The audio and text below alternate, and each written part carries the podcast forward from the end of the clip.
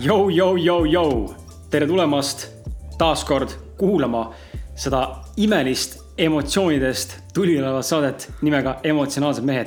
täna on käes kolmapäev ja see tähistab meie jaoks, minu ja Martini jaoks siis ainult üht, ehk siis uus saade, uus episood, uued teemad, uued mõtted, uued emotsioonid ja uued kuulajad loodetavasti. mina olen Kris Kala. ja mina olen Martin Pukspuu. ja me ütleme teile tere tulemast. tere tulemast tänase saate teeb eriliseks see, et mitte ainult teema ei ole oluline, teema on väga oluline, aga enne kui me teemani jõuame, tegelikult tuleks aplodeerida, ma olen tegelikult Martiniga mõlemad juba terve tänase wow. päeva, terve tänase päeva aplodeerinud, kui ma vilistada oskan, vilistaks. ma vist veits oskan, ma proovin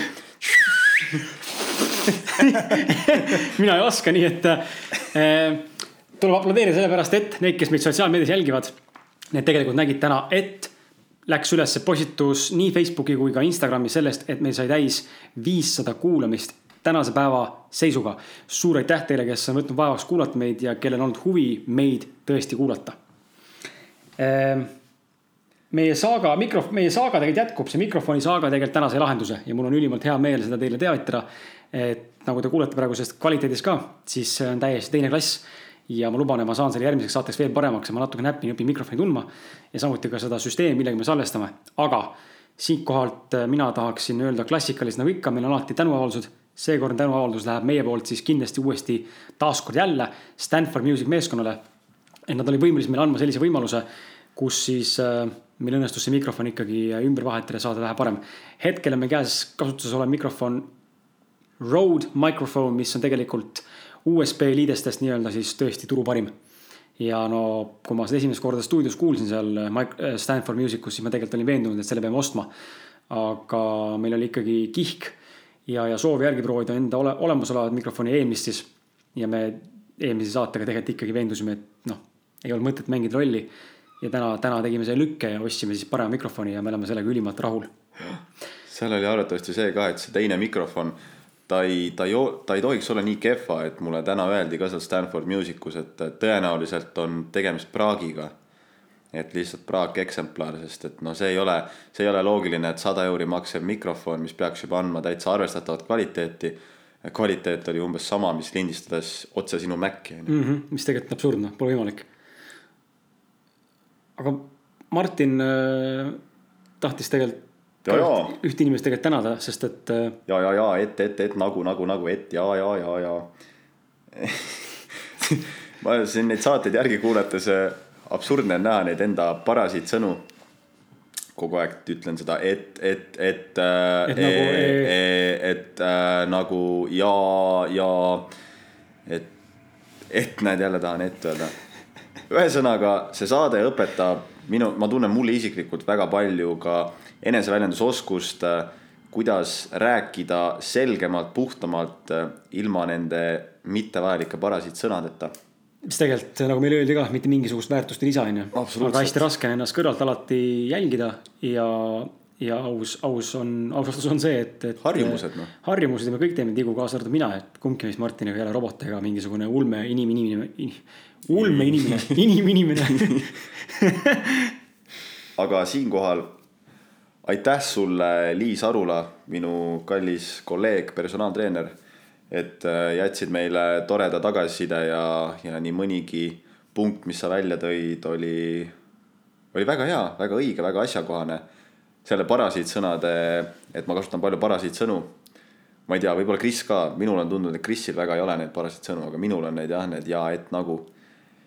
et see on hea asi, mida jälgida ja, ja veel häid mõtteid, et aitäh sulle, Liis ja mis siis uudistest veel? täna oli, täna, täna siis äh, tegin äh, sellise väikse väli, välitreeningu workshopi, tutvustasin äh, inimestele siis Poolamäe pargis siis inimestele Poola, Poolamäe pargis ja Kalevi staadioni taga. mul lihtsalt mõte ei jookse nii kiiresti, vaata. ma ei suuda nii kiiresti rääkida. Need e, e nagud ja nendega ma nagu võidan oma aega. Aga siis tee lihtsalt paus. et mul mõte jooks järgi, sellepärast ma teengi neid. aga proovi, aga proovi lihtsalt paus teha. vaikus. no see on hea mõte, ma proovin. nii. nüüd terve ülejäänud saade hakkab olema, Martin räägib. 20 siis ma käisin seal, nägin seal inimesi. igal juhul Tallinna linnavalitsus siis äh, korraldab äh, mingit noorte sihukest tervise, terviseteemalist, kuidas seda nüüd öelda terviseteemalist ürituste sarja ja üks etapp siis oli välitreening. et kuidas kasutada välijõusaali, kuidas treenida oma keha raskusega.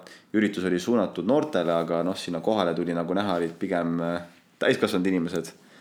ja täitsa tore üritus oli, kaks tundi siis õpetasin äh, oma keha raskusega treeningu põhitõdesid inimestele ja mulle meeldis arvan, tundus, et ka inimestele meeldis. minu jaoks tegelikult selline workshop'ide tegemine, inimeste ees esinemine on väga suur eneseületus. avalik esinemine on minu jaoks väiksest saati olnud üks suurimaid hirme. ja sellega nüüd järjepidevalt tööd tehes, pannes ennast läbi treeneri töö pidevalt sinna olukorda. ma näen, kuidas see tasapisi, küll väga aeglaselt, aga tegelikult järjepidevalt paraneb ja muutun nii-öelda aina vabamaks ja suudan, suudan seda emotsiooni endast aina rohkem äh, välja saada. sest minu põhimure alati avaliku esinemisega on olnud mitte niivõrd see- lihtsalt see hirm olla inimeste ees, vaid, vaid see hirm tekib minu sellest, et ma tunnen, et ma ei saa seda emotsiooni endast kätte. ma lähen nagu krampi, ma lähen pingesse, ma olen hästi tõsine ja mul on väga raske nii-öelda muuta seda kogu energiat siukseks mängulisemaks ja lõbusamaks. ja siis, kui ma vaatan inimeste nägusid, siis ma näen ka, kuidas see peegeldab tagasi seda, et seda minu enda siukest nagu tõsidust ja, ja tuimust ja. täna oli jälle alguses, ma tundsin sedasama, aga üsna nagu kiiresti sain end käima ja mida aeg edasi, seda nii-öelda mõnusamaks, vabamaks kogu see õhkkond läks ja, ja tohutult äh, hea meel tegelikult enda üle, et oma hirmudele on tore vastu astuda. absoluutselt, mul õnnestus Martinit näha kõrvalt ka ja. ja, ja peab tunnistama, et Martin on teinud kõva läbi, läbi selles mõttes läbimurde enda isikliku enesearengu juures, et. see inimene, kes on täna siin minu kõrval, ei ole kindlasti see, kes oli seitse aastat minu kõrval. seitse aastat tagasi, kes oli seitse aastat tagasi minu kõrval, vabandust. üks sõna ja vahelt ära lause kontseptsioon kohe muutus. et aga, aga jah, mina tegin oma trenni seal ja natuke kuulasin pealt ja kaasa vaatasin ka ja tegin kaasa ja ja ei, lahe, et äh, on pakutud võimalus inimesele ennast niimoodi aval, avalikult siis äh, esineda ja äh, inimestele võimalus tutvustada, pakutud võimalus ennast avalikult esineda. ja, ja tore, et inimene sai endale jälle kogemust juurde ja see on ainult, ainult positiivne. Martin tegelikult, mis Martin noh, tegelikult lähme tänase teema juurde, et pealkirjast juba lugesid ära, teemaks on meil hirm ja tegelikult selle hirmuga seonduv ja Martin tegelikult põgusalt juba jõudis hirmuni ka.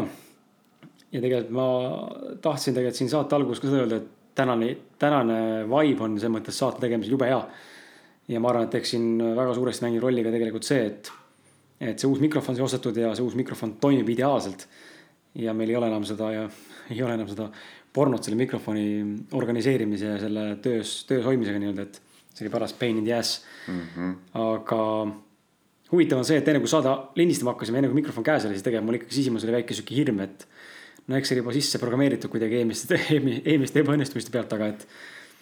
et võib-olla tänane mikrofon ikkagi ka ei mängi välja ja noh.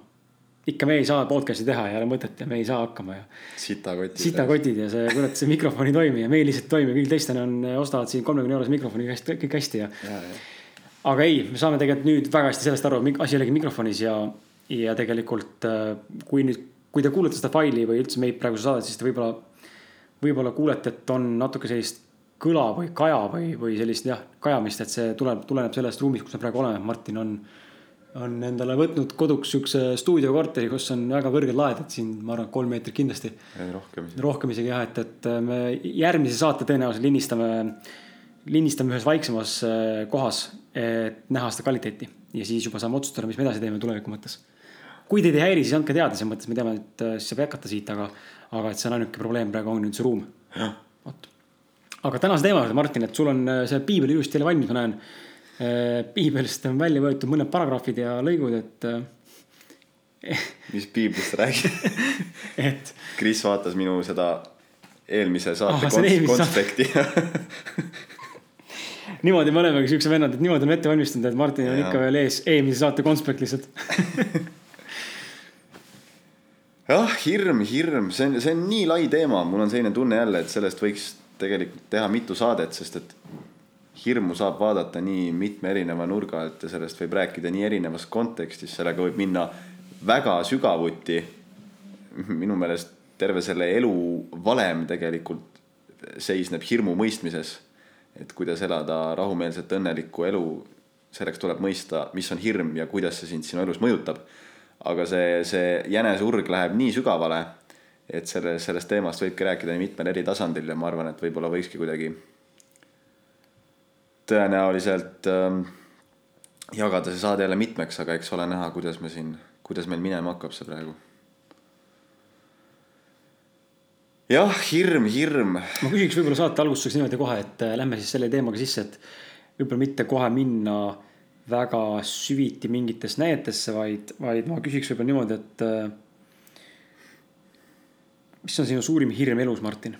minu suurim hirm elus. mida sa kardad kõige rohkem ja ma ei mõtle seda, et see peab olema, see ei pea olema ilmtingimata mingi asi, mida sa teha kardad või teha ei taha või kogeda ei soovi, vaid, vaid mis on see, mida sa kõige rohkem elus kardad? et kui see jääb nüüd juhtub või jääb tegemata või juhtub või mis iganes. vot siis on, siis on sitasti. no see on jälle, see on jälle nii sügav küsimus ju, sellele võib vastata nagu pinnapealsemalt. ja sellele võib vastata väga sügavalt ja ma ise arvan, ma usun, et äh, meie kõigi suurim hirm on tegelikult äh, surmahirm. ja surmahirm tuleneb sellest, et see on, see on hirm teadmatuse eest, sest me keegi ei tea mis saab edasi, kui meie see nii-öelda eksistents siin sellel füüsilisel tasandil lõpeb. Ja see mõte sellest, et äh, võib-olla mitte midagi edasi ei eksisteerigi, mingi igavik, äh, igavene mitte miski, see lihtsalt ajab meid hulluks.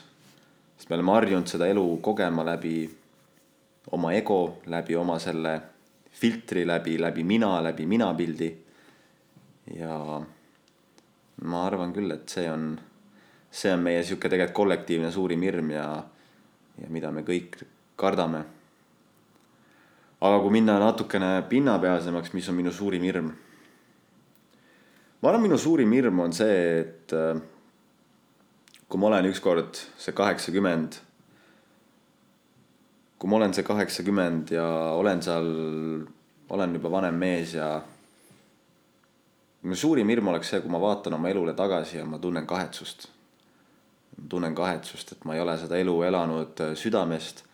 ma ei ole realiseerunud oma potentsiaali. ma ei ole toonud siia maailma nii-öelda neid väärtusi, neid kingitusi, mida ma olen sündinud siia tegema ja looma. ma ei ole armastanud enda ümber olevaid inimesi piisavalt ja jah, ma arvan, see oleks minu, minu suurim hirm, aga ma olen enam kui kindel, et see hirm ei, ei teostu kunagi. sest ma tunnen küll, et vähemasti see suurema vabaduse suunas liikumine on saanud nii keskseks, keskseks osaks sellest, kes ma olen, et jah, aga lähme siis sinu juurde, mis on sinu suurim hirm? minu suurim hirm äh, siin elus tegelikult, see surm on kindlasti üks asi, mis võib-olla paneb mõtlema, et mina selles mõttes ei tunne tegelikult surma ees otseselt hirmu, et ma olen oma, olen nagu selles mõttes enda jaoks omastanud selle teadmise, et elu läheb edasi. kuidas ta edasi läheb, ma ei tea, aga minu jaoks me hetkel siin ja praegu ei eksisteeri ainult ühe korra ja, ja see ei ole ka viimane koht, kus olla, aga ja kes teab, võib-olla me eksisteerime üldse mitmes kohas korraga äh, samal ajal, on ju, et äh, aga, aga minu suurim hirm, ma arvan, on alati olnud see, on jääda keskpäraseks sellepärast, et ma ei tea, mul, ma ei ole, ma ei pea ennast eriliseks inimeseks või mingisuguseks äh, special, special kellekski, et äh, minu see kes-, minu see soov jääda mitte keskpäraseks on, on, on pigem see, ma tunnen, minus on niivõrd palju potentsiaali äh, midagi saavutada ja ma tean, et paljud kuulajad, noh, need, kes meid kuulavad, muidugi saavad minust aru, aga ma tean, et paljud inimesed selle kohta võib-olla ütlevad, et et Kristjan liiga suur ego ja, ja, ja mul on seda varem öeldud ka, mis tegelikult on. See nüüd tuli kuskilt, kuskohast minult? minu arvutist võib-olla, võib-olla sinu. tuli minu arvutist, mul on Facebook lahti kogemata, nii, vabandust. et äh, jääda keskpäraseks, et äh, ma tunnen, et ma tunnen, me oleme inimestena loodud siia, me oleme ikkagi sündinud ja loodud selles mõttes äh, täitma enda nii-öelda seda fulfilling the potential on ju ja me oleme su-, suutelised tegelikult saavutama elus palju rohkem, kui me tegelikult saavutanud oleme ja saavutame ja kui me arvame ka just nimelt on ju, et tegelikult me tümitame ennast päris kõvasti tegelikult elu jooksul, et ähm, olgu see siis see väike pealiskaudne ala, alaväärsus ja enese, enesealavääristamine üldse mingisugused kompleksid, aga tegelikult eh, elu lõpuni noh, elu lõpus tagasi vaadates, siis kindlasti ma arvan, et igaüks, kes suudab endaga vähegi aus olla, siis tegelikult suudab öelda seda, et ta on ennast piisavalt palju tümitanud ja võib-olla tänu sellele ka mingisugused eh, ütleme, potentsiaalsed valdkonnad või potentsiaalsed mingi oskused ja kired tegelikult on sulgunud. ja mina tunnen ka, et minu suurim hirm on jääda keskpäraseks ja ma teen kõik selleks, et see juhtuks. et loomulikult keegi ei saa garanteerida, et eh, ma selleks jään ja ma siinkohal rõhutan, et eh, keskpärasus ei ole halb asi, lihtsalt minu jaoks, minu vaatevinklist ja minu vaatemaailma poolest vaadates on see keskpärasus minu jaoks lahja, ma tunnen, ma olen sa ei, nagu. sa ei pea ju keskpärasuse all silmas, eks ju seda, et äh, nii-öelda, kui me võtame ühiskonna ja siis paneme paika ühiskonnas mingisuguse äh, sihukese stambi, et see on keskpärane inimene, sa ei pea silmas seda, vaid sa mõtled iseenda jaoks keskpärasust, on ju. et sa iseenda potentsiaali realiseeri või mis sa mõtled? võrdlus, nojah, sa sõnastasid selles küsimuse hästi, et jaa, ma võrdlusena võib-olla ütlen tõesti, et kui, kui võtta see ühiskonna täielik stamp on ju ja täielik äh, standard ja täielik see mass, kollektiivne teadvus, siis, siis ka see mingil määral kirjeldab seda, kuhu ma ei taha jääda mm -hmm. ja mhm. milliseks ma ei soovi jääda. et mu elu on, elu on mind ikkagi viinud seda rada pidi, et ma ei oleks selline, olgu ta teadlik alateadlik, enamus ajast on ta olnud ikkagi, tundub mulle tegelikult teadlik valik. info on tulnud alateadlikult, aga valik on teadlik. ja, ja see on toonud probleeme, on toonud raskusi ellu, eluteele ja toob ka tänapäeval, aga see on kõik okei okay.. aga ma tunnengi, et äh, kui jätta kõrvale jah, see ühiskondlik, see, see mass, kollektiivne arusaam, siis lisaks sellele ka on individuaalne tasand, millest ma tegelikult lähtun, et. et nii ühiskonna mõistes ei taha ma olla keskpärane ja ka samas enda jaoks ei soovi ma olla keskpärane, sest ma tean, ma olen võimeline palju, paljuks enamaks. et see on võib-olla minu siis, läks küll pikale, aga see on võib-olla minu siis selline hirm, mida ma kõige rohkem kardan, on see, et ma kardan jääda keskpäraseks elus mm. -hmm minuga resoneerub see, et ma tunnen ka tihti, noh, tihti, ühesõnaga nendel hetkedel, kus ei, ei ole nii hea olla, energia ei voola, eneses kahtlemine mm,. Nendel hetkedel, kus nii-öelda on need madalad, madalad momendid, siis nendel hetkedel ma tihti ka tunnen seda, et ma ei taha niimoodi elada. ma ei taha jääda kinni sellesse mugavusse ja, ja, ja, ja keskpärasusse, et, et samamoodi tunnen, et see on äh, meeletu potentsiaal, mis on meie kõigi sees ja mis on minu sees ja mida on võimalik realiseerida. ja vaadates juba oma kogemust, kuidas ma ikka jälle üllatan ennast, tehes mingeid asju, mida ma varasemalt olen mõelnud, et ma mis on tundunud nagu sihuke, ma olen unistanud millestki näiteks. see on tundunud nagu suur samm enda mugavustsoonist välja. ja siis hiljem ma märkan, et vau, ma nüüd tegin selle ära. ja need hetked alati annavad mulle tunnistust sellest, kui suur on tegelikult meie potentsiaal ja kuidas meil ei ole õrna aimugi, milliseks me võime tegelikult areneda. mis on väljaspool igasuguseid meie kujutluseme piire mm. -hmm aga mida üldse inimesed kardavad, oled sa mõelnud, selles mõttes, et äh, nüüd kuulajad, püüdke meiega resoneeruda ja, ja andke meile seda vaimset tuge ja seda jõudalikku nii-öelda abi ja me suudaksime siin välja genereerida häid ideid, aga ma tean, et inimesed kardavad väga palju asju ja me kõik tegelikult elus kardame midagi. olgu ta füüsiline või mittefüüsiline ja, ja tihtipeale kardetakse ka emotsioone, millest tegelikult meie saade räägib, me kardame tegelikult emotsioone millist sellisena nagu ta on ja oh, inimesed kardavad, inimesed kardavad asju, kardavad surma saada, kardavad siin haiget saada, kardavad siin sõpru kaotada, kardavad siin olla vaesed, kardavad olla rikkad, onju. kardavad siin, ma ei tea, inimestega suhelda, kardavad pimedaid ruume, kardavad kõrgust, onju. kardavad eh, iseennast mingil tasandil, onju, et. Eh, millest tuleb see hirm üldse huvitav? kui me, me ei ole küll psühholoogid, aga püüame nagu filosofeerida huvitav, et millest see hirm võib tulla, et mis need tegurid on, kas tõesti siis puhtalt ainult lapsepõlv või, või on see äkki juba kaasasündinud mingisugune kuidagi sisse kodeeritud või on see puhtalt meie enda poolt kodeeritud läbi selle, me pole mingi asjaga hakkama saanud või saad aru, kust see tuleb üldse? erinevad hirmud elus. No lapsepõlv on see kindel, kindel tuumik, ma arvan, kust äh, kõik need meie juurhirmud ja juurprobleemid saavad alguse, sest et sa kindlasti ka ju nõustud sellega, et kui me sünnime siia maailma, siis me oleme nagu puhtad lehed. ei, absoluutselt. ja siis me hakkame õppima läbi selle, kuidas me tajume enda ümbritsevat keskkonda, mis nii-öelda vibe'iga, mis energiaga on meie vanemad. sest et isegi kui meie vanemad ei ei väljenda neid hirme, mis on nende sees, siis laps ju seda mingil tasandil, energeetilisel tasandil tunnetab. kogeb väga hästi. ja korjab ülesse. ta võtab sellesama hirmu omaks. lapsel on ju no, no filter ju mingi eluaastani. just, kuni, ma kuskilt lugesin ka vist, kas kuni viienda või kuuenda eluaastani. on see no filter. puudub see filter nagu tead-, nagu teadliku mõistuse ja alateadliku äh, mõistuse vahel. tegelikult oleme ausad, ega see vanus põhimõtteliselt kõik arvavad, noh, paljud inimesed arvavad, ma tean seda, et noh, ma olen nüüd viimasel ajal kokku puutunud väga palju selliste raamatutega, mis nagu noh, räägivad indikalastest üldse nagu üldse lastesse mõttes nagu, et kust need hirmud tulnud on üldse psühholoogia aspektist, et miks see, miks me inimesed sellised oleme. ja seal räägitakse nii hästi sellest, kuidas tegelikult tõesti, kuidas tegelikult tõesti siis noh, isegi üheaastast on võimalik programmeerida. ja tegelikult ta saab sinust väga hästi aru. et et ähm, kuigi ta võib-olla neid sõnu kõiki ei mõista, siis kuidagi see energeetiliselt signatuur jõuab nagu selles mõttes ikkagi DNA-ga kuidagi kokku, noh, ma tean, kes tekst tundub praegu mõne jaoks võib-olla selline, et jummel, jummel, millest te räägite, aga no see on, see on reaalsus, see on kvantfüüsika võib-olla mingil määral, see on võib-olla midagi muud, mille me üldse ei teagi. aga selge on see, et siin maailmas on midagi enamat kui ainult see füüsiline maailm ja see energia on niivõrd tugev, et, et lapsed kindlasti korjavad üles absoluutselt kõik, kõik asjad mingi vanuseni. ongi, ongi. seega ülimalt oluline, kellel on laps, noh, keskenduge väga väga tugevalt esimese viie-kuue aasta jooksul, mida te üldse inimesele sisse söödate. sellest, sest et see talletub kõik alateadvusesse. mul tuleb sellega kohe ette selline näide, et ma olen väga tihti kuulnud erinevatelt inimestelt äh, või võib-olla okei okay,, mul ei ole juba nii palju tuttavaid, kes oleksid juba sellises eas, kus neil on lapsed ja kus nad äh, tahavad näiteks lahutada oma abikaasast. aga ümberringi vaadates on näha, et äh, paljud nii-öelda paarid püsivad tegelikult koos ainult sellepärast, et nad ei taha, et nende laps kogeks seda, et ta kasvab üles äh, perekonnas, kus vanemad on lahutatud. ja iga kord, kui ma seda kuulen, siis ma esimese asjana mõtlen, et äh,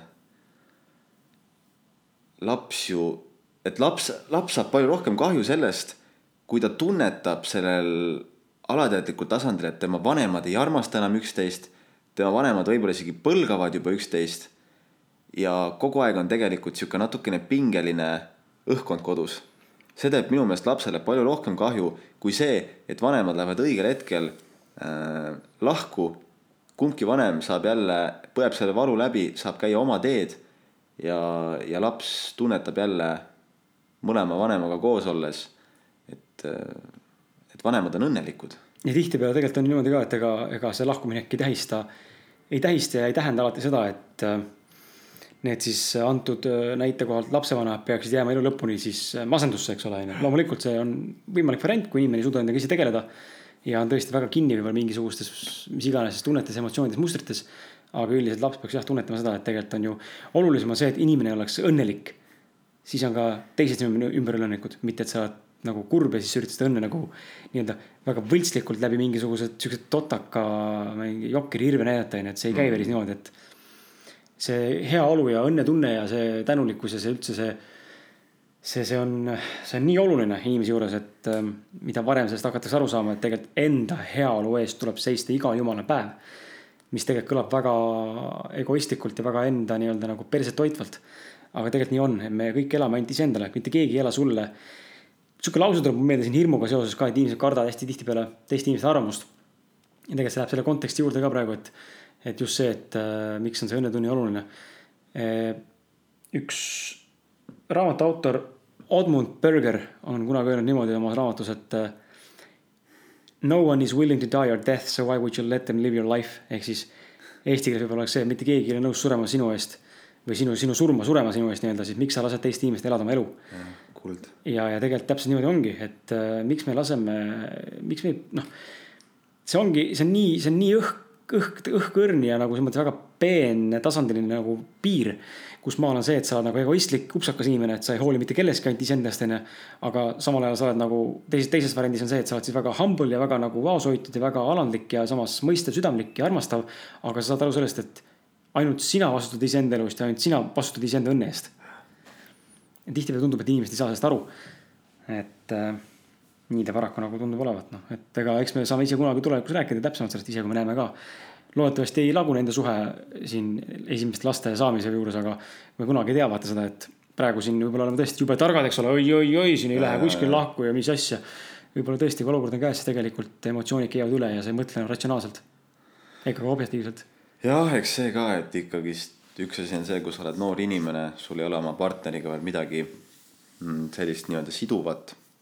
aga teine asi on see, kui on ühised lapsed, ühised laenud äh, ja palju rohkem kogunenud neid ühiseid mälestusi, siis äh, see kõik maha jätta, see on, ma arvan, seda ei anna võrrelda sellega, mis on üks äh, nii-öelda noorte inimeste lahkuminek Mm -hmm.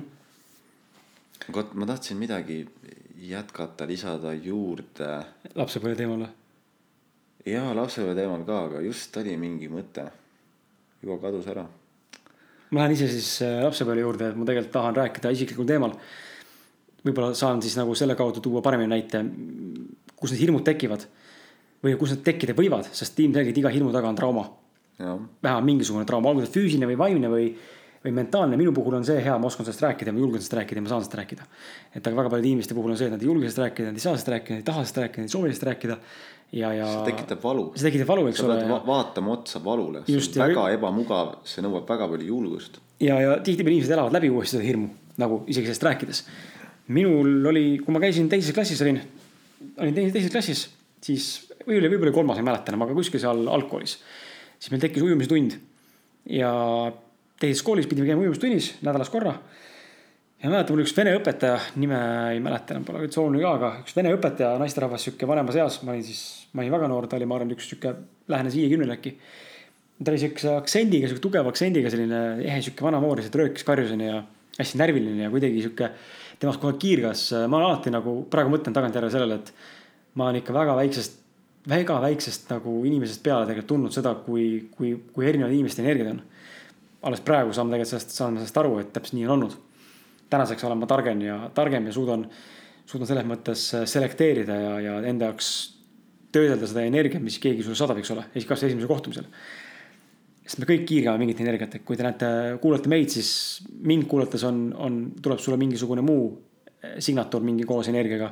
Martinit kuulates on teine asi, kui me koos räägime omakorda kolmas onju mm. -hmm. ja kui sa näed meid tegelikult reaalsuses, reaalses elus, siis tegelikult nendest kolmest saab kuus varianti, võib-olla üldse üheksa varianti hoopis onju, kuidas see energia või mingi sõna ja me, kuidas me sulle mõjume. ja ma mäletan, et eh, mind visati vägisi basseinis, ma ei osanud ujuda eriti ja ikka piiksub kuskil. kummaline jah, arvuti see gaas on kinni, aga Facebooki tuleb sõnum, siis ikka, ikka viskab selle heli sealt, et sa ei tohiks nii teha. noh, pole hullu noh. Et äh, mind visati, visati vägisi basseini selle õpetaja poolt, sellepärast et ma ei tahtnud minna ja mul oli hirm ja ma kartsin ja. ja eks ma mäletan praegu väga hästi, kuidas kõik teised ujusid väga hästi ja kõik oli väga fun, kõik oli väga tore, ma kartsin räigelt ja kuidagi tekkis, eks seal tekkis vaata sihuke alaväärsuskompleks võib-olla mingil määral, mina ei saa hästi hakkama praegu, teised nagu oskavad paremini juba. ma olen maha jäänud mingil määral ja, ja võib-olla läks vesi kurku silma ja meeldinud ja noh, kõik need erinevad kogemused juurde, eks ole ja lõpp, lõpp see kirss tordil oli siis see, et visati vette onju, et siis mul karjuti ka ujuraisk, et mida sa nutad. niimoodi, nii julmalt või? ujuraisk, mida sa nutad? ja, ja visati lihtsalt basseini. ja, ja ma mäletan, ma sain sealt trauma, läksin koju, ma pillisin täiega, nutsin, ma olin täiesti, täiesti šokis. su isa, su isa lõuga ei tahtnud panna. ja ma rääkisin isale, mu isa on siuke konkreetne vend, et läheb, pakib kokku ära noh. ja, ja isale rääkisin, isa läks kohale kohe sinna, ütles ka, et kui ühe korra veel äh, ma kuulen, et minu last nagu sunnitakse vägisi midagi tegema, siis tuleb lõpp kõik, lööb kõik kasti lihtsalt. ja see oli viimane kord, kui ma seda tundi läksin. ma ei läinud rohkem ujumist mm. -hmm. Ja see hirm oli nii suur ja see hirm on olnud terve elu jooksul vee ees nii suur, et ma ei karda nagu vett. aga kuna ma ujuda ei oska, et ma ei oska täna, siiamaani täna ujuda veel, ma tegelikult peaks ära õppima, sellepärast et noh, seda igal juhul võib vaja elus minna. ja, ja kindlasti oleks lõbus ka mingi vee, veeasju kaasa teha mingi hetk. oma elukaaslasega näiteks või kellega iganes, aga, aga ma ei oska ujuda siiamaani ja mul on jube suur hirm, ma ei usalda, ma ei usalda vett. et isegi kui ma mäletan Austraalias elasin seal ühes majas, meil oli seal basseinis oli mingisugused no mingid rõngad ja mingid kätised ja mingisugused need, mis on need kuradi torud, saad sinna peale toetada, et nendega ujusin. aga ma kartsin ka nendega ujuda, mul oli sihuke tunne, mul on, mul on minu pärast selline tunne, et kui mulle panna päästevest selga, ma upun ikka ära. et nagu see nui neljaks, ma upun lihtsalt ära, sest et see ei päästa ka mind. ja ma olen jumala kindel, et see on tegelikult, saad aru, see uskumus on nii tugev alateadlikult sees, et see on reaalsus, see, see, see variant on tegelikult võimalik isegi reaalsuses. et sa lähedki koos selle päästevestiga põhja uh. -huh.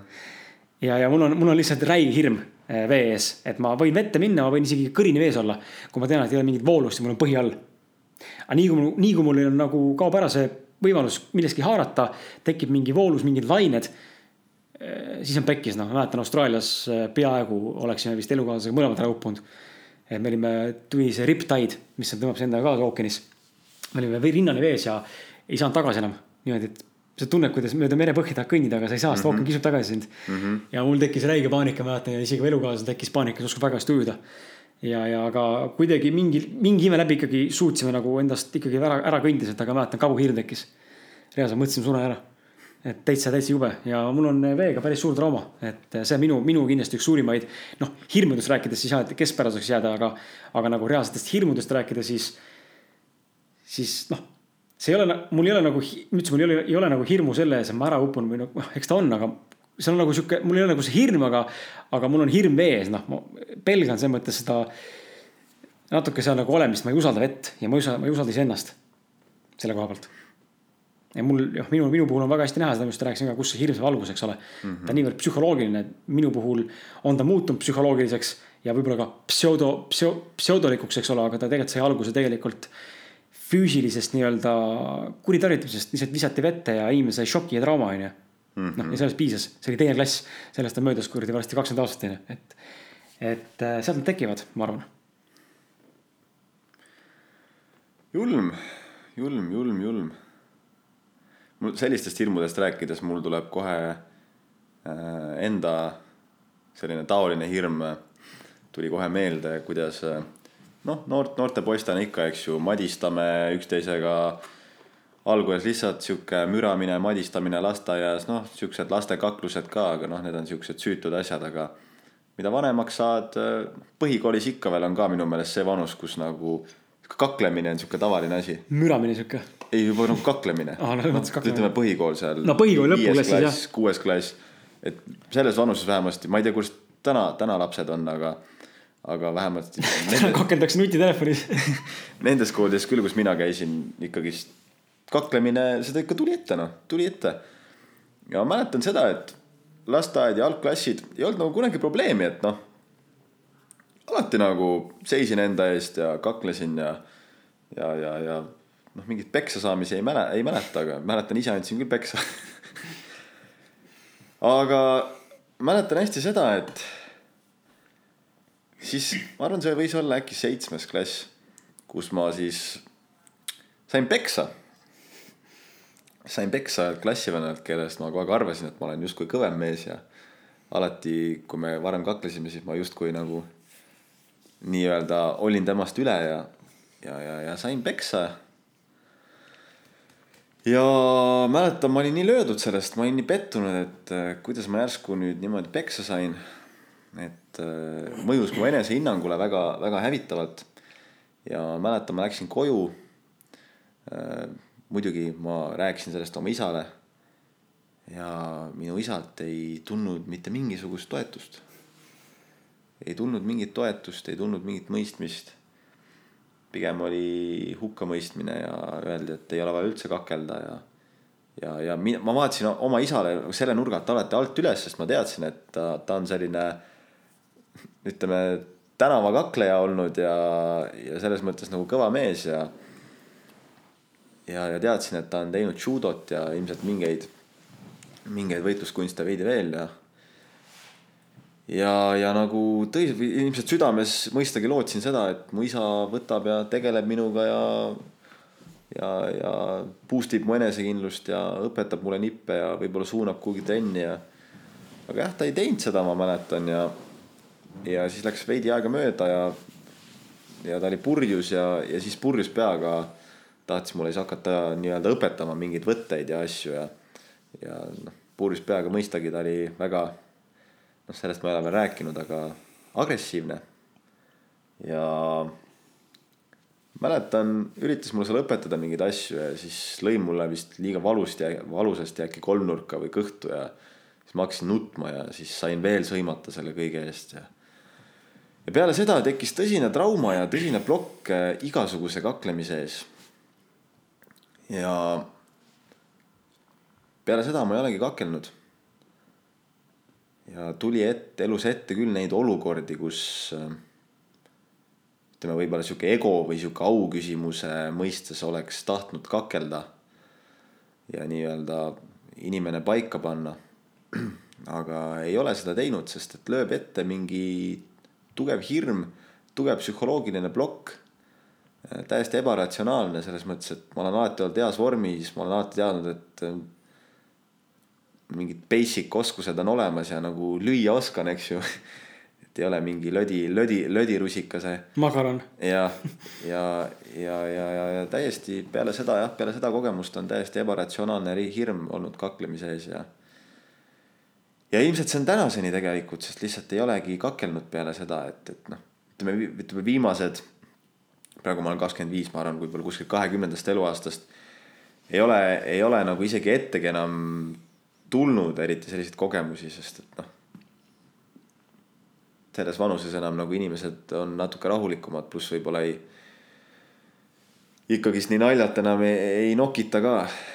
aga eks ma siin olen jah, käisin vahepeal ju käisin äh, MMA trennis ja, ja Austraalias olles käisin kohalikus poksitrennis ja see on ka nagu väga-väga palju aidanud, et jälle natukene seista selle vana nii-öelda hirmuga silmitsi ja vaadata sellele otsa ja, ja tänaseks see on kõvasti vähenenud, aga noh, ma olen täitsa kindel, et kui peaks olema see olukord, kus ma olen sunnitud äh, kaklema, siis ma kindlasti peaksin selle, selle hirmuga ikkagi silmitsi seisma, aga nüüd on selles mõttes ikkagist see kin-, selles mõttes on kindlust rohkem, sest et ma tean, et vähemasti ma suudaksin. valmisolek nii-öelda sellele nüüd otsa vaadata on suurem tänu, tänu sellele trenni kogemusele. ja kindlasti tahan tagasi minna MMA trenni, sest ma tunnen, see muudab, muudab mind paremaks inimeseks. aitab, aitab vabastada pingeid endast ja jah. jah ma mõtlen selle peale, et. Äh, Läks depressiivseks ei läinud depressiivseks aga ma lihtsalt, hakkasin mõtlema selle peale, et, et äh, jah, et see soov, soov kakelda, mul ei ole kunagi olnud mingit soovi kakelda ja. huvitav, see on nii erinev inimeseti, ma tean ka väga paljusid, kes nagu, kelle jaoks on nii võõras teema, aga minu jaoks on alati kuidagi väga aktuaalne olnud, et ma ei tea, võib-olla me oleme kuidagi erinevalt nagu. Inglise keeles on hea termin nagu wired, nagu erinevalt kuidagi seadistatud. helistikus ja muu asi jah, et ma tahangi selleni jõuda, et võib-olla see ongi see, et. Äh, et mina ei ole seda reaalsust endale loonud lihtsalt. teadlikult või alateadlikult ja, ja neid situatsioone ei tulegi, sest ma lihtsalt ei tõmba ligi endale. minul ka ei tule. mul ei ole ammu enam olnud midagi sellist. ma mõtlengi, et see ongi näha, tegelikult ongi, ongi huvitav näha, et ma tean väga palju inimesi enda tutvusringkonnast. noh, nad ei ole enam, enam mu tuttavad, aga selles mõttes mu vanad klassivennad võib-olla või mingi kooliaeg, kooliaegsed nii-öelda tuttavad. kes äh, hea, kui nad leidsid kaklemise kõrvalt millegi muu jaoks ka aega et nii tihe graafik oli noh, et selles mõttes kogu aeg rusikad käigus ja, ja mina ei saa aru, ma ei ole kunagi aru saanud sellest, et minu jaoks ei ole ka kunagi tüli lahendamine mingi lahe, noh, tüli ei lahene mitte kunagi ainult äh, füüsilise vägivalla kaudu, et pigem on see, et tuleks aru saada, kuskohast probleem tekib, aga noh, paraku tänapäeva maailm on sihuke, et inimesi on seinast seina ja need, kes tunnevad, et tahavad rusikatega näidata seda tõde ja, ja reaalsust, siis palun väga, onju, et aga ma ei tõmba enam ligi üldse siukseid asju, et see on täitsa võõras teema, miks peaks nagu, ei, see on täitsa võõras, noh aga tahad sa sellest äh, kaklemisest midagi veel? tahtsin jah lisada, et mulle tundub, mul on nagu mingi õigluse tunne on sees nii tugev või võib-olla liiga palju vaadanud mingeid Steven Seagali ja ma ei tea, Van Damme filme. Jean-Claude Van Damme noh. see õigluse tunne on nii tugev lihtsalt. mäletan ka siin võib-olla mõni aasta tagasi oli sihuke olukord, kus ma tulin rongiga, rongiga kuskilt tulin ja rongis mõni iste eespool istus mingi, mingi mees sihuke julgelt sajakilone, jube valjuhäälne ja no ikka il-, ilmnähtavalt äh, häiris kõiki, kõiki kaasreisijaid ja väga ebaviisakas. Provotseeris no, ka. sihuke ehtne munn, noh, täielik tropp. rääkis seal ka, kuidas ta vanglast välja saanud ja blablabla bla, bla, bla, bla ja no kõva häälega, valjuhäälselt. ja mingi hetk hakkas seal mingit naist hakkas häirima, siis mingit naist hakkas mõnitama mingit teist, mingit inimest ja, ja pinda käima ja siis mul nagu vaatasin ka mingi, et mida see vend teeb, tekkis temaga silmside ja küsis mult, no tahad musi saada või? ja ma mäletan, ma, ma läksin nagu mega närvi sellest. ma läksin mega närvi sellest ja mul oli täpselt see tunne sees, et no fuck, tahaks selle venna paika panna. tahaks ära vajutada vennale lihtsalt, et nagu ma arvan, terve see vagunitäis inimesi tänaks mind, kui ma sellele vennale praegu ära vajutaks, onju. aga noh, oleks nüüd õige tegu või mitte, tõenäoliselt mitte, sellepärast et äh, alati võib minna väga kurvalt, onju. võid lüüa inimest väga valesti, võib äh,, võin vangi minna, onju. mis iganes, onju, võib-olla inimesel on, ma ei tea, nuga kaasas, onju, paneb nuga mulle, tapab ära mind, mis iganes, alati võib minna väga valesti, aga. aga jah, ma tunnen, minus kuidagi on nagu sihuke tugev õigluse tunne, et tahaks nagu vahel lihtsalt paika panna siukseid vendi. Eks loomulikult mul on ka, eks meil on kõigil olemas, ma arvan, see tunne sees, eriti meesterahvastel, naisterahvastel võib-olla vägivalla soodumust on vähem, et aga meesterahvastel kindlasti see testosterooni tase on nii suur, et et mul on ka see, ma tunnen ka see õi- õigluse küsimus on nii oluline, et ma näen, et kui kuskil on ebaõiglus, siis füüsiliselt või vaimselt, siis ma tunnen ka, et tahaks, tahaks lihtsalt niimoodi ära panna, et kui verbaalselt ära panna ei suuda, siis lihtsalt lähen ja löön jalaga näkku, onju, aga ja, reaalsus on see, et ma mitte kunagi selle füüsilise vägivallani ei jõua, sest et noh, olukord ei lähe mitte kunagi kaugele. ja aga minus on ka see, see viha ikkagi olemas, kui inimene on ikkagi paras tropp, siis ikkagi see häirib nii kõvasti, et tahaks ikka väga raputada inimest nagu mõistust pähe. aga ja enda jaoks ma õnneks olen leidnud selle väljundi, et, et ikkagi see trenn, see MMA trenn. Et Näe, kindlasti tahan sinna tagasi minna nüüd, ma mõtlengi, et hiljemalt sügisest tahaks oma elu planeerida niimoodi, et saab sinna tagasi minna, et ma käisin jah, ma käisin seal MM-as vist kuskil pool aastat ja Austraalias siis kaks kuud veel selles klassikalises boksis ja ja no tõesti, no peale igat trenni oli selline tunne, et äh, ma olen jälle killuke parem inimene, ma olen vabastanud endast seda viha, neid emotsioone, ma olen natuke jälle sparrides seal teiste kuttidega on ju seisnud silmitsi oma hirmuga. Ja tõesti lihtsalt ongi selline tunne, et parem inimene ja ma kindlasti, pluss see pakub mulle ka huvi kui kunst, kui võitluskunst, eks ju. Kunst äh, õppida lugema vastast, õppida reageerima, õppida tehnikaid, õppida õigesti ajastama lööke, õppida kaitsma, et äh, pluss see sihuke ürgne instinkt siis nii-öelda teisega võistelda, et see, see kõik pakub mulle meeletut huvi ja kindlasti, kindlasti lähen tagasi. naljakas, nii huvitav kuulata selles mõttes, et mina olen täiesti vastav Martinile, et äh, ma olen ka käinud oma elus teinud erinevaid sporte, karateed kunagi mitu-mitu-mitu aastat ja siis isa on mul hästi suur võitluskunstide harrastaja olnud, tai-poks, kick-poks, poks ja karateed asjad ja noh, ta on meeletult teinud treeni. ja teeb tänapäevani, tegelikult mu isa on tai-poksi treener muideks On või?, Spartas, ongi nii? jah, annab, mis asja, annab äh, koos Rennoga annab täiskasvanute ja noortele tai-poksi, mis su isa nimi on? Urmas Kala. annab tai-poksi, keegi, kui keegi soovib minna trenni, siis äh, kakskümmend euri on eratrenn mu isaga, teeb teile tai-poksi, et äh, ta on väga kirg selle juures ja ta on nüüd Spartas ametlik treener väga lahe. ja mina tegin ka tai-boksi siin mõnda, mõned aastad tagasi ja, aga ma mäletan praegu mõeldes selle peale, siis ega mul ei ole sellist äh, võitlushimu mitte kunagi olnud. Isegi käsipalli mängides, mida mängisin peaaegu kümme aastat, ka, ka teatud, teatud nagu pool profitasemel võib-olla vanemas eas, et mul ei ole mitte kunagi olnud äh, ka seal väljakul olles sellist tulist võitlushimu või võiduisu, et ma olen loomulikult noh, ma lihtsalt tegin seda, sest et see oli sport. Midagi nagu tuli väiksena teha, onju, aga mul ei ole sellist, minu, minus ei ole sellist jah, sellist, seda, mis sa ütlesid ka, see meestevaheline omavaheline võitlemine, et tahan ära panna või ära tõestada, mul, mul millegipärast ei ole seda, et äh, mis see tähendab, ma ei või olla karm või ei või olla nagu otsekohesem või, või tõesti olla ka vajaduse vägivaldne ja ennast kaitsta, aga mul ei ole seda, seda jah, seda tungi sees, et nüüd näidata, kas ma olen parem või kehvem, et äh, kohati on isegi sihuke mulje jäänud, et kui tekib olukord, siis ma pigem noh, ma ju nüüd ei räägi kaklemisest, räägin üldse elus. kui tekib olukord, kus kedagi võistlema hakkama, siis ma pigem, pigem nagu väldin seda, sest ma ei viitsi seda. kuidagi nagu minu jaoks on see mõte, mõte täiesti kaotanud. Ma ei tea, miks. ma ei tea, kust see tulnud on ka, aga ma tean, et see on, see on lihtsalt kadunud. ma hakkasin juba keskkoolis mingi seda vältima, et kui oli vaja kuskil kuutekümmet meetrit kellegi võidu joosta uh, -huh. ma jooksin üksinda uh. -huh. nüüd siis ma ei ole nõus kellegi jooksma, ma jooksin üksi. sest mind häiris mingi asi, et võib-olla see, võib-olla kartsin kaotada, võib-olla, võib-olla ei tahtnud teisele haiget teha, teine kaotab või ma ei kujuta ette. aga ma olen alati jah, kuidagi alateadlikult nüüd vanemana olles just vältinud seda, seda nagu võitluslikku energiat, et see kuidagi ei ole mind teeninud nii hästi mm. -hmm. mitte midagi juhtunud on, selles mõttes, et Eesti meistriks olen tulnud ja kõike muid asju ka, aga lihtsalt ei ole, ei ole seda tungi nii-öelda nii suurt.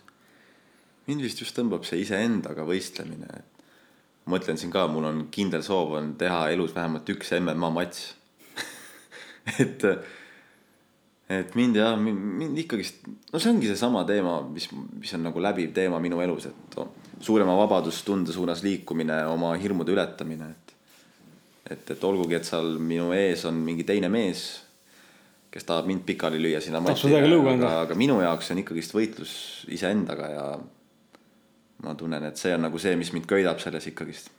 mitte see, et, et mul oleks ka mingi soov teise üle domineerida või teisest parem olla. ja luid murda ja pead lõhki peksta. ja, ja, ja kindlasti mitte seda, aga just see, pigem see soov nagu näha, et ma suudan iseenda üle, iseennast nagu niimoodi valitseda jah, enda, enda sellest nii-öelda egost võitu saada ja. mis praegu, mis siis, et ja... praeguse näite kohal võrdlub siis nagu kulmineerub selle spordialaga lihtsalt.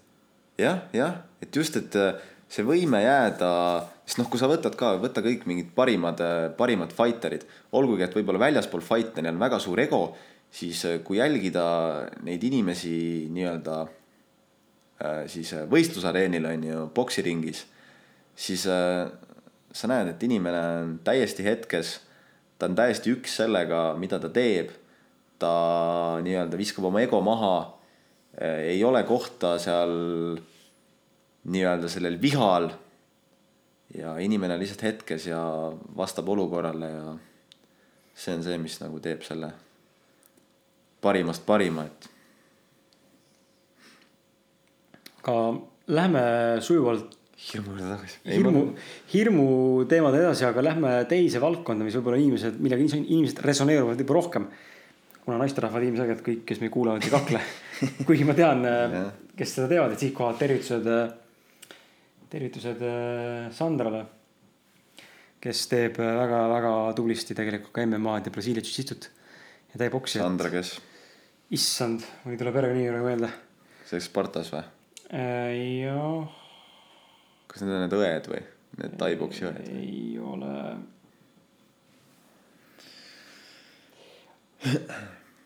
korra vaatan siin väike paus, et äh.... hirmud, hirmud. aa, Sander Luik, just, vabandust, Sander Luik hmm..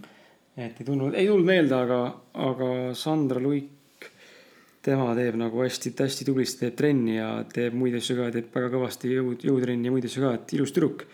aga ma valin endale reaalselt noh ala, kus temaks on siis tai-poks ja, ja samuti ka MMA ja Brasiilia Jiu-Jitsu. et, äh, et. Brasiilia Jiu-Jitsu on ka väga lahe ala. noh, neile, kes ei tea, MMA tähendabki siis mixed martial arts ehk siis nii-öelda segatud võitluskunstid.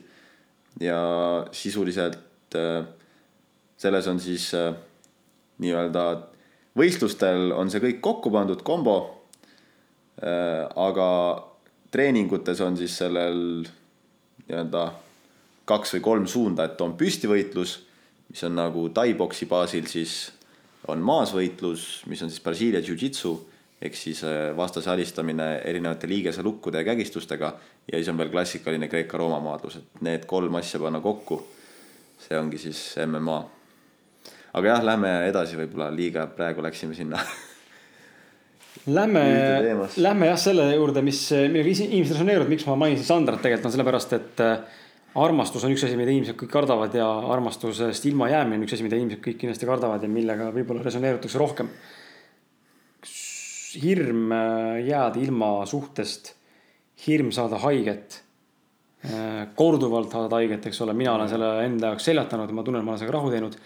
minu eelmised suhted on lõppenud ka alati sellega, et mind on äh, maha jäetud ja, ja sealt tulenevalt on ka tegelikult olnud alati sees see hirm, et äkki mind kuskil petetakse või olen olnud armukade ja, ja, ja ikkagi, et äkki ma teen midagi valesti ja isegi kui ei ole mingit põhjust tunda ennast valesti eh, käitutuna nii-öelda, siis ma tegelikult ikkagi tunnen kuidagi, et, et ma olen, olen eh, midagi halvasti teinud ja hakkan põdema, üle mõtlema ja, ja noh. nii jaburad mõtted on tegelikult noorena tekkinud, et praegu on mul ikkagi suhe, kus noh, siin ei olegi millestki rääkida enam noh, et. aga, aga mina selle enda seljatan selles mõttes, et aga huvitav on endale, huvitav on näha olnud, tunnistada endale, et see hirm haiget saada ja hirm kellestki ilma jääda on olnud tegelikult väga tugev erinevates etappides elus. oh jaa, no see on ka vaieldamatult minu üks suurimaid hirme. või ütleme, teema, millega ma olen pidanud palju elus tegelema ja sellega silmitsi seisma, et just see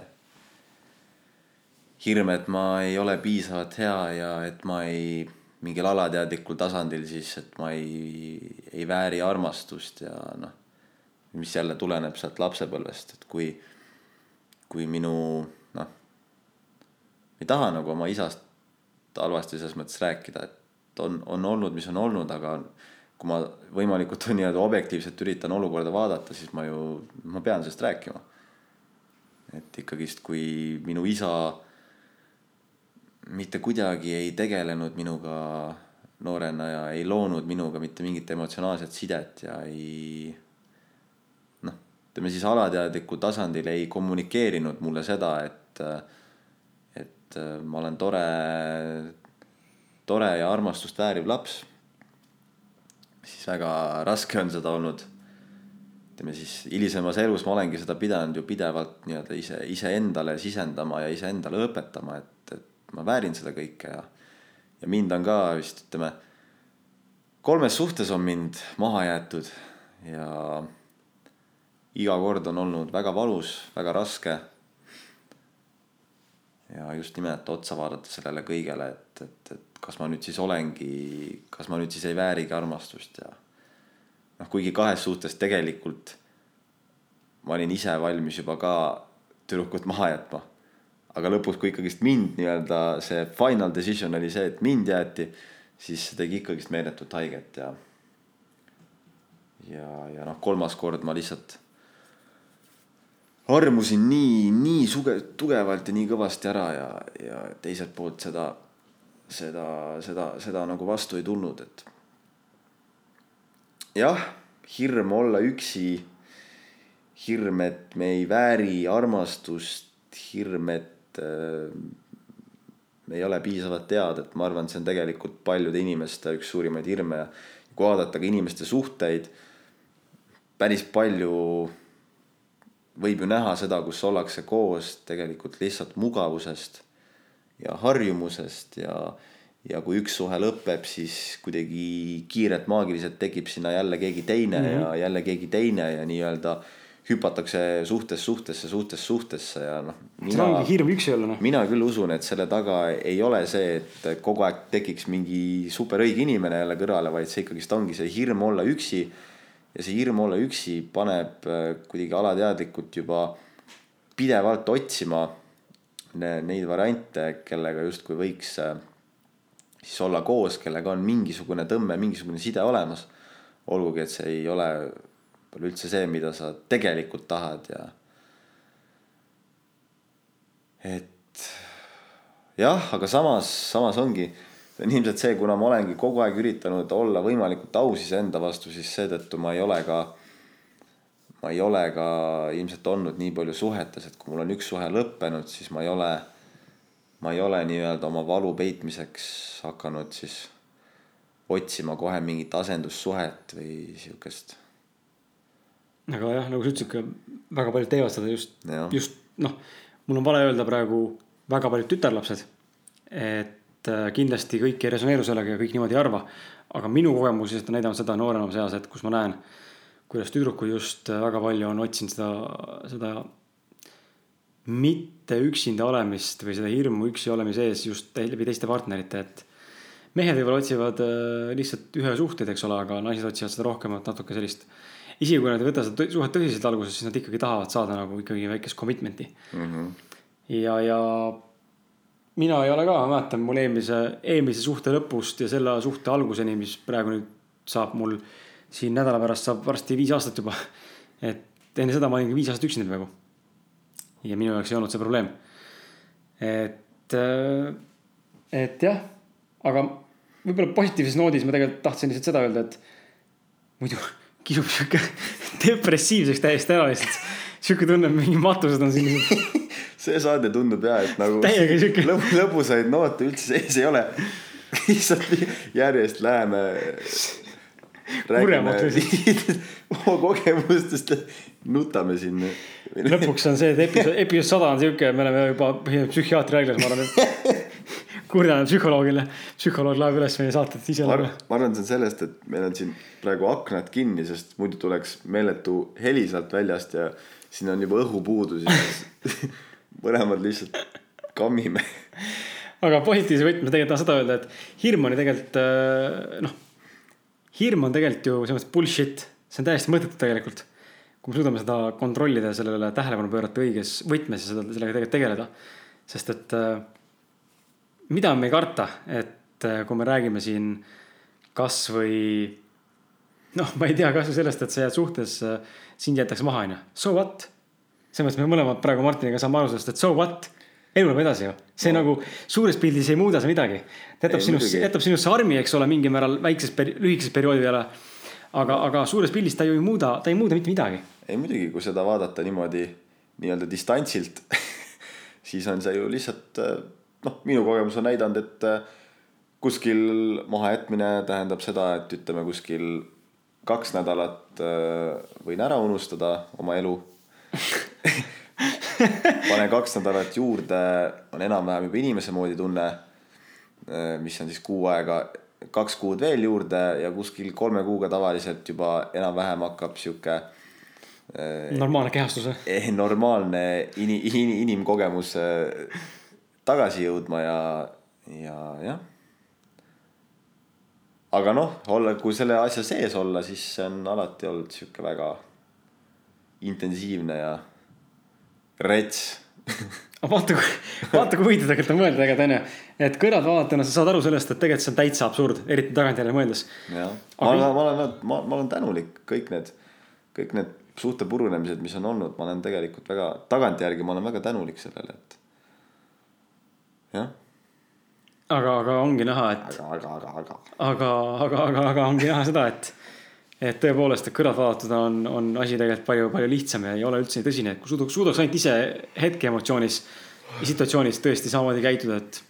Fuck that fear ja on kõik, onju, ja tegelikult üldse elus on samamoodi tegutsemisega, et võib-olla, võib-olla siis tegutsemise osas ma suudan natuke paremini ennast väljendada, et.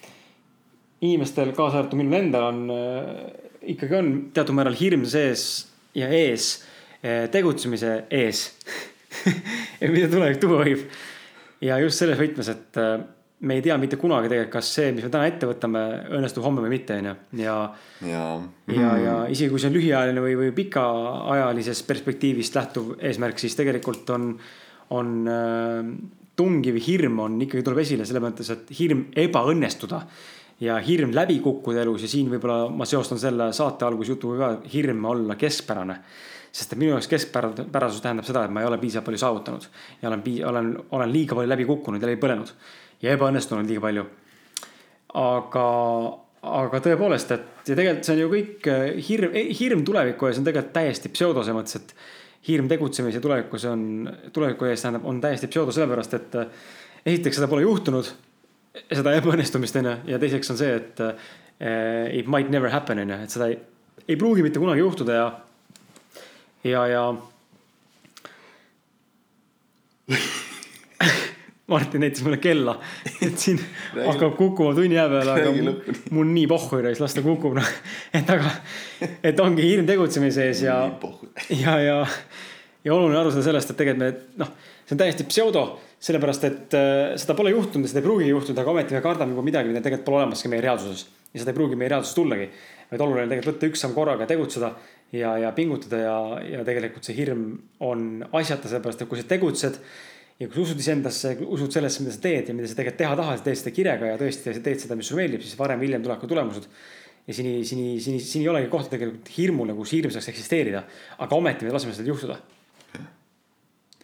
ei, täiesti nõus, see kohe nii, kui sa hakkasid rääkima hirm tegutsemise. Mart jah kirjutas kuradi romaani valmis siin mul kohe resoneerusid need mõtted ja, ja tundub, et äh, tõesti kindlasti teine saade tuleb veel hirmust, et siin mul on sihuke tunne, et me ei jõudnud. mitte midagi, rääkisime kaklemisest mingi nelikümmend minti rääkisime Martini kaklemisest nelikümmend kuradi värk, aga jah, ei hirmust räägime edasi. ei, aga paneme pikem saate siis, mis räägi, räägi noh. ma ei jõua enam ausalt ma olen jumala väsinud. Ma tunnen, ma hakkan, ma hakkan juba segast peksma. ma ei, ma ei viitsi enam rääkida tõsiselt. nüüd mul hakkab juba sihuke pask suust välja tulema. ei no sa tahad, sa võid rääkida. ei, mul ei ole ka selles mõttes praegu on tunda küll, vot see ongi see asi, mida me tunneme siin saate juures. tänase saate juures tunnen, et äh, kui liiga hilja alustada saate lindistamist, tegelikult oled juba väsinud ja oled tegelikult juba unerežiimil, et. mina, kell on üksteist kakskümmend praegu õhtul mm.. ma tavaliselt magan juba sel ajal ammu juba, ma pööran siin viienda külge ja. Selles mõttes on, on. lasen peeru jah, seda ma ei tee, aga. aga on raske, on, on, on tõesti tunda, et äh, ma olen, olen ka, ka väsimas. on raske on, on, on, on aga jah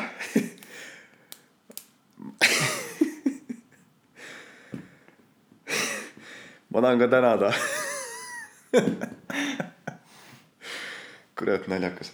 Ühesõnaga, ma tahan ka tänada omalt poolt ka, et super hea meel, et viissada kuulamist juba täis. me ei ole üldse promonud seda saadet. kusjuures eile ma ütlesin, eile ma ütlesin, saime Martiniga koos kokku ütlesin talle, et meil on kakskümmend viis kuulamist, viiesajast kuulamist puudu. ja täna hommikul vaatasin viissada kümme, ehk siis meil oli kolmkümmend viis kuulamist viimase kahekümne tunniga. ongi nii? mis tegelikult on täitsa müstika no,. meid kuulatakse päris palju, seega te kuulate meid päris palju, see on väga hea, aitäh teile, ma loodan, et jätkate meie kuulamist, loodan, et see depressiivne saade siin ei tõmba tempot alla, vaid te panete juurde vatti, teete, tahate meiega hoopis ise saates olla. ja, ja me hakkame kindlasti mingi hetk omale saatekülalisi ka kutsuma, et äh, täiesti nii-öelda avalikkusele mittetuntud inimestega kindlasti tegema ja samas tegema ka inimestega, kes on võib-olla avalikkusele veidi rohkem tuntud, et ähm,. Absoluutselt. saab huvitav olema, saab huvitav olema ja. et miks me praegu seda veel siiani teinud pole, paljud podcast'id alustavad kohe võib-olla mingisuguse saatekülalisega, et tuua asja nagu suurema, suurema nii-öelda kella külge, aga. me tunneme mõlemad Martiniga, et tahame veidi seda saadet sisse elada enda jaoks ka, et saaks aru üldse, mida me teeme ja miks me teeme ja, ja mis suunas me tegelikult liikuda tahame selle saatega, et siis on lihtsam ka kedagi teist haarata. kui meil kontseptsioon on selge. just, aga meie kohta siis ka, et minu koht, mind siis saate jälgida Instagramis, Facebookis, Instagramis olen at Martin Pukspuu. Facebookis äh, siis näiteks personaaltreener Martin Pukspuu. muul ajal siis mina tegelen inimeste treenimisega. inimese füüsise parandamine ja vabadus oma kehas on minu üheks suureks kireks eluaeg olnud. nii et äh, ja jälgige meid muidugi ka meie emotsionaalsed mehed sotsiaalmeedias, et äh, Instagramis oleme me at emotsionaalsed mehed, jah. Facebookis samuti emotsionaalsed mehed, et pange like. kui, kui teile meie saade meeldib ja tunnete, et tahaks öelda hea sõna, siis äh, jätke meile review, oleksime väga tänulikud selle eest ja kirjutage meile, kommenteerige. ja nagu esimeses saates ütlesime ka, kui tahad ka meid lihtsalt perse saata, siis jumala eest sa, saada lihtsalt perse cash talk'iga, et. Kuna meie saade on aususest ja kui sa tõesti tahad auru välja lasta, siis no kedagi teist ei ole perse saata, no saada meid perse ausõna noh. me talume ära selle, ei ole hullu, aga siis kirjutasin julgelt. mina olen äh, sotsiaalmeedias at Kris Kala, keskel kaks K tähte ja Facebookis on autor Kris Kala, fännileht või noh, nii-öelda autorileht ja koduleheks on kriskala.com mille platvormilt või siis kodulehelt võite leida ka blogipostitusi CK Blogcastist. erinevate teemadega, kuidas, kuidas olla edukas võib-olla mitte maleksin, aga sinna suuna pürgiv inimene. kuidas enda päeva paremini planeerida, kuidas eesmärke seada, kuidas kirjutada kirjanikuna, mis iganes huvi tunneb. viska pilt peale, et tegutsen peamiselt, kes veel ei tea, tegutsen peamiselt kirjanikuna. ja viimasel ajal ka üha rohkem sotsiaalmeedia turundajana ning äh, mingil määral ka siis noh, blogija, aga ennast blogijaks ma ei pea. vot, aga, aga taaskord veel kord äh, minu poolt ka, et äh, aitäh, et, et me kuulasite. ja viimase palvena lisaks kõigile muule, mis juba Martin eelnevalt mainis, on see, et tõesti palun. Äh, kuna me teeme seda saadet siiski tegelikult oma vabast ajast, mis on meie valik ja see ei ole teie, teie, teie mure nii-öelda, ma nüüd teid süüdistan, et me vabast ajast teeme, et te olete kellelegi võlgu. võlgu te meil ei ole. Küll aga me esitame teile iga saate lõpus ikkagi traditsiooniliselt sellise viisaka südame, südamliku palve, et kui see saade vähegi sind kõnetas ja sind mõjutas ja sind mingil määral motiveeris, inspireeris ja natukenegi maailma avardas ja väärtust pakkus. kuus omadust tõin praegu välja ilusti, mida saade teha võiks. siis kui need kuus kastikest saavad linnukese endale juurde, siis ole hea too meile üks inimene ja ma rõhutan veel kord, too meile palun üks kuulaja, kes võiks olla huvitatud nendest teemadest, millest räägime. Ja, ja see aitaks meid väga palju seda infot ja seda sõnumit levitada, sest et ilmselgelt üksinda ei tee mitte midagi. tähendab, ikka teeb, aga teeb vähem kui kahekesi ja ilmselgelt kümnekesi ja sajakesi teeb rohkem kui kahekesi. ja teeme seda koos, et see saade ei ole ainult meile, mulle, Martinile et loomulikult meie on proovikivi ja arendus, enesearenduskivi meile endale aga me teeme seda saadet tegelikult teie jaoks ja et saaksime koos areneda paremaks inimeseks ja iseenda paremaks versiooniks. Minu poolt äh, head ööd ja, ja teiega kohtume juba järgmises episoodis. Äh, või äkki tere hommikust, kus hommikust. või tere hommikust tõepoolest jah. ja teiega kohtume juba järgmises äh, emotsionaalsed mehed podcast episoodis, mis on täpselt nädala pärast. just nii. ole tubli, tšau. olge mõnusad, tšau-tšau